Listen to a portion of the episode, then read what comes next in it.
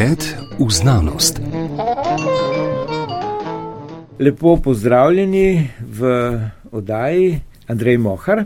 Lepo zdrav. Danes bomo govorili o temi, ki ji malo težje sicer rečeva raziskovalno znanstvena, ampak temeli na dosežkih raziskovalnih skozi desetletja 20. stoletja, ker govoriva pravzaprav o sistemu, zaradi katerega so vam v Društvu restauratorjev Slovenije nedavno, torej letos, podelili časno članstvo Društva restauratorjev Slovenije. Ne? In to za razvoj sistema Telehum, za nadzor relativne vlage in temperature v muzejih in galerijah. Gre pravzaprav za tako na zunaj gledano, tako zgleda tako malo kot eni mobiteli izpred 20 let, ne, z malo večjim ekrančkom, ne, ki imajo neko antenco in neko kapico, v kateri je tipalo senzor. Vi to že počnete dobrih 20 let. Leta 2000 ste začeli sodelovati z muzeji in galerijami in seveda z restauratorji in konzervatorji. Ne? In kar nekaj tukajšnjih uh, muzejev, galerij ima ta sistem ugrajen. Zdaj, kako ste prišli do tega in kaj vas je spodbodlo k temu sodelovanju, ne? ki je do neke mere, ker vi ste le poslovnež? Ne?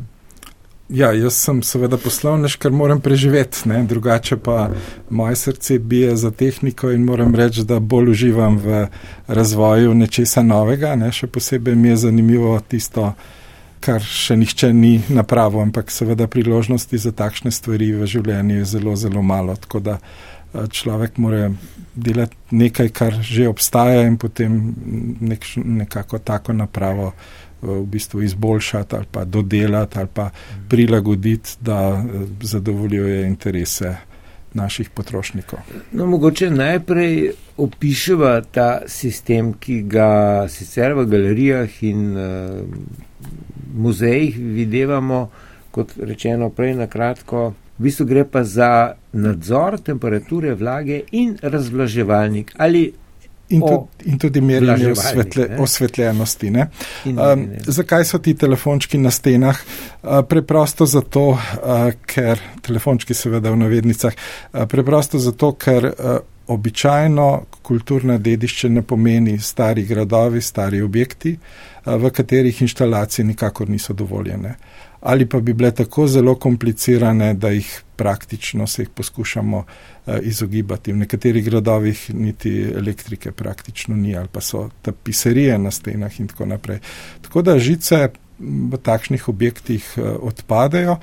Um, in mi smo leta 2000 eh, razvili sistem Telehum. Zakaj se imenuje Telehum? Ne, zato, ker daleč, tele daleč, hum, humidity, vlaga. Uh, predvsem je vlažnost uh, problem v vseh Eh, objektih eh, kulturne dediščine. Eh, zakaj pač temperatura je, kakršna je, tu ne moramo kaj dosti pomagati ne? in pa zadeve načeloma ne propadajo, če so pri sobni temperaturi. Je pa praktično za vsako kulturno dediščino bolje, če je pri nizki temperaturi, ker se enostavno kemiški procesi potekajo bolj počasi. Glavni problem je pa vlažnost zraka. Ne? To tudi vsi imamo izkušnje, recimo parket, ne, star parket je pogosto razpokan, včasih eh, vidimo tudi nekaj milimetrov široke uh, reže v posameznih lamelah ne, in to nas lahko napelje do tega, da pač vlaga ni v redu oziroma zelo dobro je, da imamo konstantno vlažnost. Ne. Mm. In ta vlaga pač dela uh, hude težave, uh, pogosto, čeprav mi kot obiskovalci muzejev in pa galerij seveda tega ne vidimo, ne? ampak recimo, če imate eno veliko sliko na steni, ki je lahko tudi 3x3 metre, seveda je okvir te slike iz lesa, les pa se seveda zelo lahko navlaži ali pa posuši. In na ta način tudi dimenzijsko spremeni vrednosti. Ne? Če je slika zelo mehna, se to ne pozna, če je pa slika nekaj metrov velikosti, ne se pa lahko tak list podaljša za več milimetrov, včasih tudi centimeter ali dva in na ta način napne platno in lahko povzroči poškodbe. To je en vidik. No, ker eh, podobni sistemi, če ne enaki, so pravzaprav delani tudi za um, farmacevtsko industrijo, za živilsko industrijo, recimo tam, ker se hrani žito, je namara tudi potrebno zdrževati, meriti in zdrževati tako, ampak pri vlago, temperaturo. Tako. Tudi to dela naše podjetje, ne s tem, da ne delamo merilnikov za vlago v žitu, ampak jih kupujemo, imamo partnerstvo z japonskim podjetjem KET eh, in to počnemo že skoraj 30 let. Da, ampak to je nekako drugo področje. Mi v muzejih pa merimo vlažnost v zraku, ne, ker ta zrak v bistvu negativno vpliva uh, na vse skupaj. Um, ampak zdaj um, ne gre samo, da lahko okviri se krčijo, pa širijo, to je še najmanj. Ne? Uh, pohištvo, recimo, ne? Uh, pri pohištvu, starem pohištvu, pogosto vidimo razpoke v lesu, ki so velike, lahko tudi nekaj milimetrov, tako da cele plošče počijo. Uh, potem pa še en drug vidik, je pa bakterije, plesni. Ne? nekako materijali so najbolj stabilni, če je relativna vlažnost okoli 50 odstotkov. Ne. Tako da, če gremo v neko suho območje, tam pri 20, ne, imamo težave uh, z organizmi, še dosti huje, pa če gremo na 80 ali pa 90 odstotkov. Ne.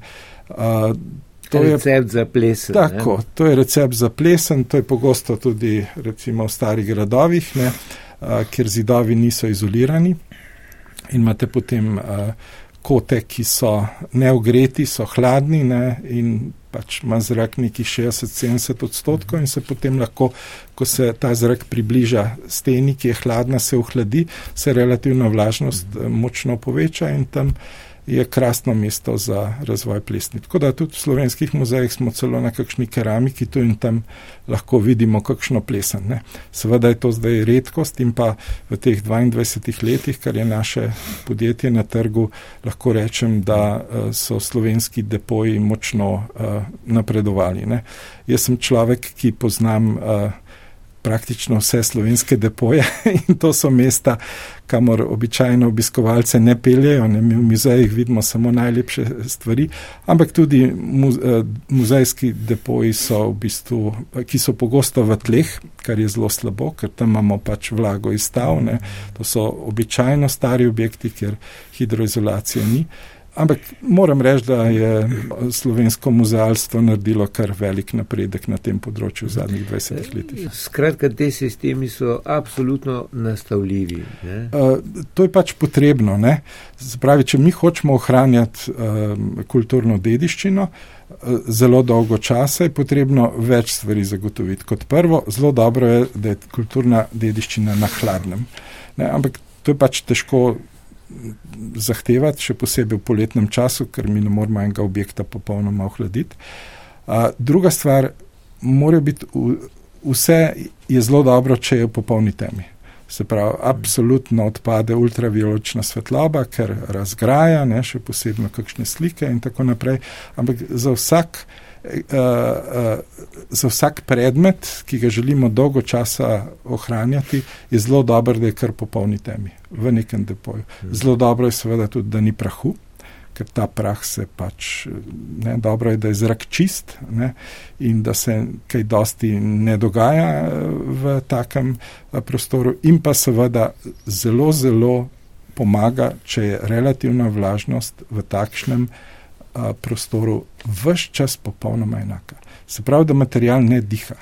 Ker ko material diha, se vlakna ali pa karkoli že, gre običajno za organske materijale, širijo in potem, ko je vlažnost pač mm. pade, se krčijo in na ta način v bistvu material stalno propada.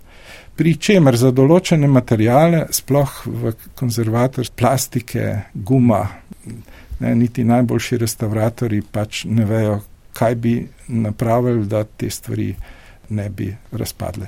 Potem je pa še kovina. Ne. Za kovino je najbolj čim nižja vlažnost, ne, da ne rjavi. Običajno gre to za neke mm. železne predmete ali orožje ali In uh, korozija je pač problem. In če hočemo mi to ohranjati dolgo časa, eh, brez težav, ne, da, da se ti predmeti ne bodo degradirali z leti, je potrebno zagotoviti čim nižjo vlažnost. Tudi 20 odstotkov, če to gre. Ne. Mhm. Včasih je to težko, ampak vsekakor je 50 odstotkov, recimo za železo, katastrofa, ker, ker preveč. Uh, Rjavi, In mhm. zato, da vse to dosegajo naši restauratori in konzervatori, jim pomagata naš sistem Telehum. Ne? Se pravi, prva faza je merjenje, in ko imamo te meritve, ne, lahko potem tudi reguliramo in vključujemo vlažilce ali pa razvlažilce in to v vsakem posameznem prostoru posebej. A, zakaj pa ti telefončki, tako kot ste jih imenovali no, na steni? Opisno, ne, Opisno kot, simpatično. Ne. Um, lejte, te naprave eh, so namenoma uh, nekako v dost neutralnih barvah, zato da takšna zadeva ne izstopa v muzeju. Mi tega pač ne želimo, da obiskovalec, ko pride, mora videti sliko, ne pa naše merilne naprave, ampak vete, merilne naprave so pač uh, nujno zlo ne, in uh, uh, ne gre tudi kakšen vlažilec ali razvlažilec, ko ga vidimo v muzeju. Ne, uh, To je sicer neka nova tehnologija tam, ampak vedeti moramo, da tudi v najboljših muzejih, tudi v Louvru, imajo takšne naprave, ker drugače pač ne gre. Ne? In to se ne da skriti, v, še posebej ne v, v neke stare objekte. Ne? V Društvu restauratorjev Slovenije so v utemeljitvi, ko so vam pač letos podelili to stanovsko priznanje, pravzaprav časno članstvo, no, ne, e, zapisali, da, prej ste že omenili, da ste, da v bistvu sistem meri, ne, pa tudi shranjuje podatke, ne, izdeluje poročila o meritvah. Skratka, v bistvu ste vi razvili zraven še neke aplikacije, ne, ker ta sistem je gnan na operacijskem sistemu Linux. Delno drugače program teče na Windowsih, taki sprejema. Ja, platforma. Se pravi, sprejemnik, mm. naprava, ki je sprejemnik, ki sprejema signale, mm. po radiju je teče na, na Linuxu, to je mm. manjši embedded kompjuter, ne ugrajen uh, računalnik. Uh, drugače pa programska oprema je pa na Windowsu, zato ker večina muzejev ali pa večina ljudi v Sloveniji uporablja uh, kot operacijski sistem uh, Windows in Microsoftov. Microsoftov Windows in pač uh, temu se je potrebno prilagoditi. Uh, gre za to, da je to en tak kompleksen sistem, ki ne samo da meri, meri na pet minut, prenaša informacije po radijskem signalu do nekega sprejemnika, Ta sprejemnik je običajno na rezervnem napajanju, zato da dela noč in dan, tudi takrat, ko so restauratori niso v službi. Ne. Mi imamo meritve 24 ur na dan.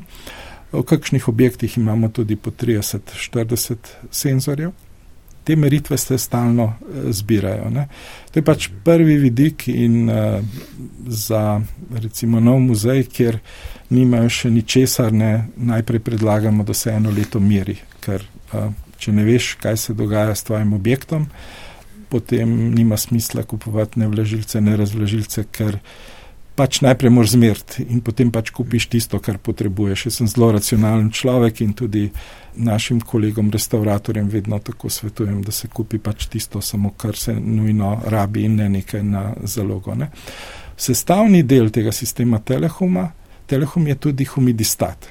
Humidistat je pa tako kot termostat, ki doma drži pravo temperaturo v sobi, vzdržuje pravo vlažnost v prostoru. In humidistat po radijskih valovih dobi informacijo, kakšna je meritev, in potem se na osnovi tega odloči, ali bo prižgal vlaženje prostora oziroma vlažilec ali pa razvlažilec. Ne, in na ta način mi lahko v lepo reguliranih prostorih, kjer so vestni, ne, lahko vzdržujemo vlago tudi z natančnostjo plus minus 2 odstotka, kar je super. Ampak eh, za vzdrževanje oziroma za, za obsluževanje ne, ja. tega sistema se treba kaj izobraziti. Ali je to tako preprosto, ker v utemeljitvi eh, društva restauratorjev so omenili, da vam to priznanje, torej častno članstvo, podeljujejo tudi zaradi vašega sodelovanja v izobraževanju študentov konzervatorstva, restauratorstva. Ja, kar nekaj študentom smo posodili opremo, tako da so lahko delali diplomske naloge. Ne, to je včasih uh, bilo tudi za trajalo pol leta ali več. Različne meritve, ker ta del je za restauratorje eh, zares pomemben. Ne.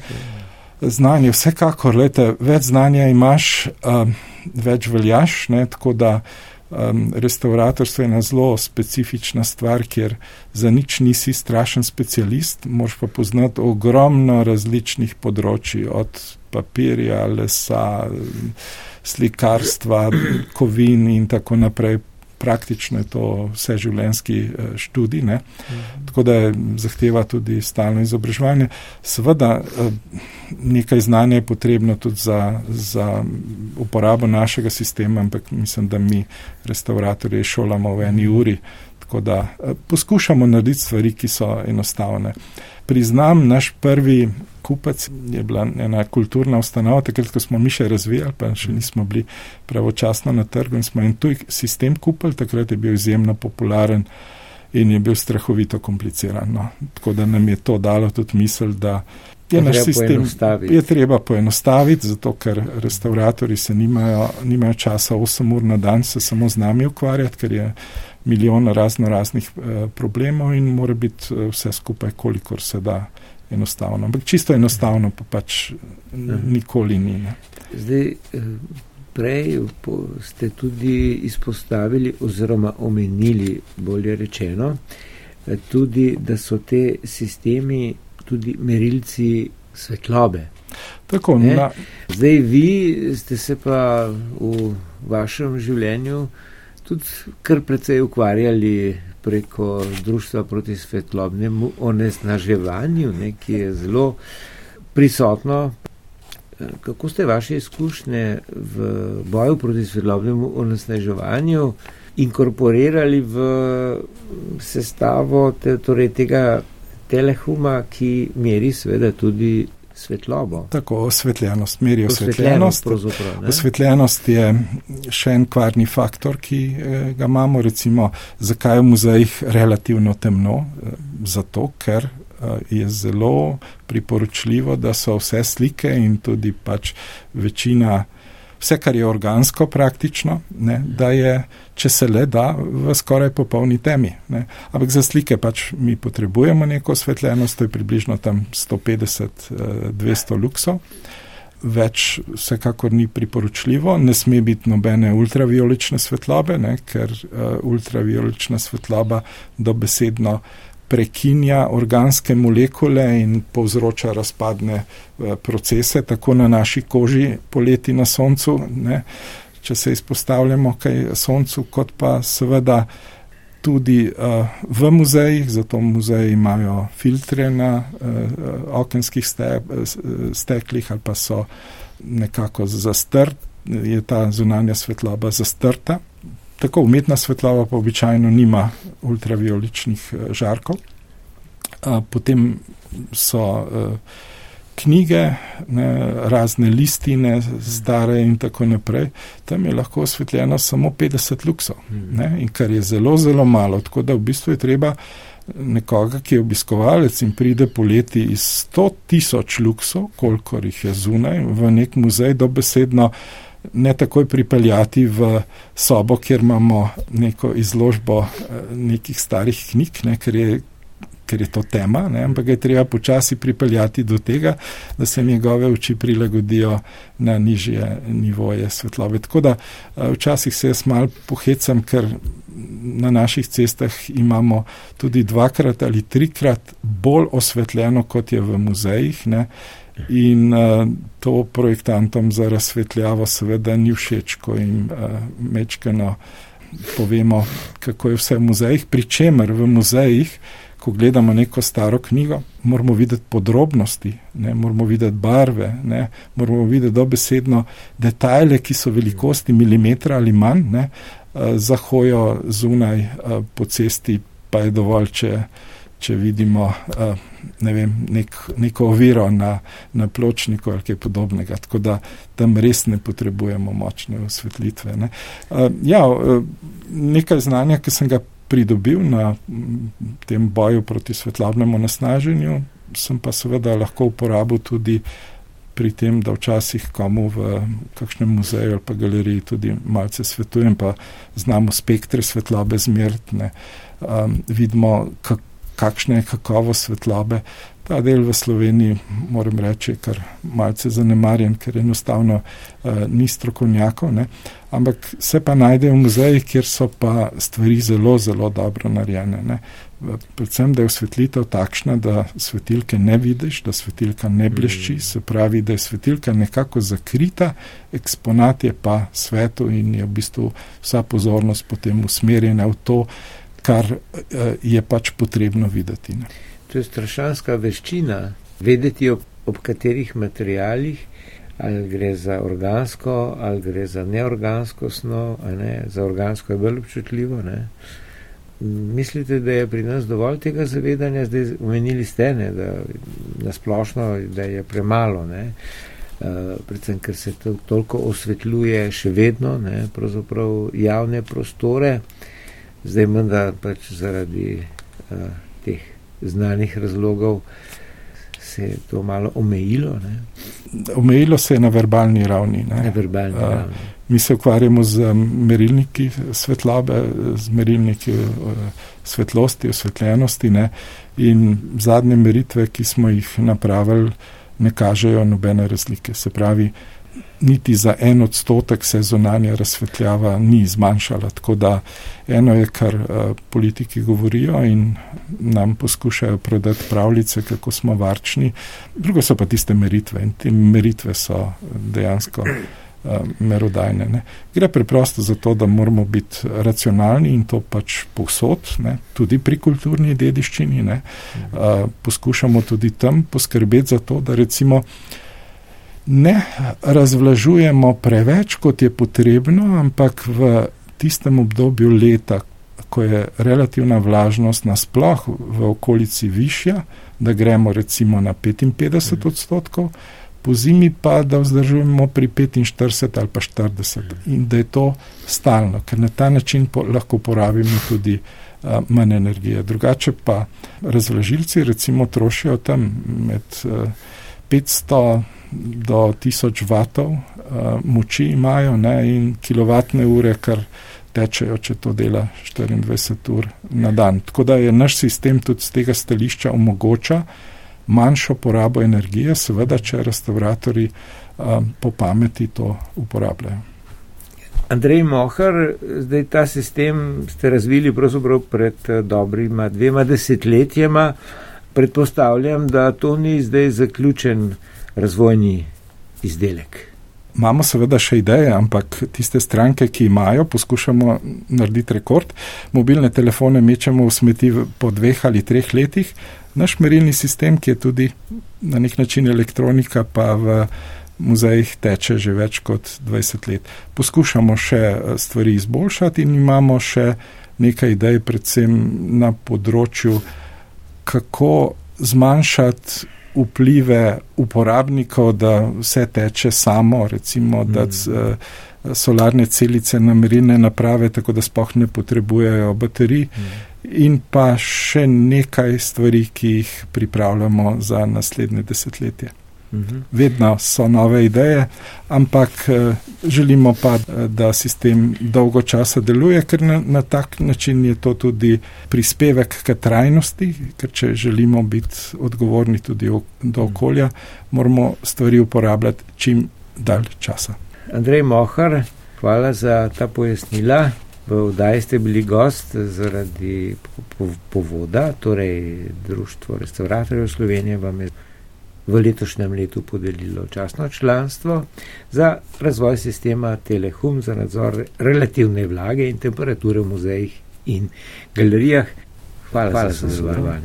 Hvala, Hvala lepa za povabilo.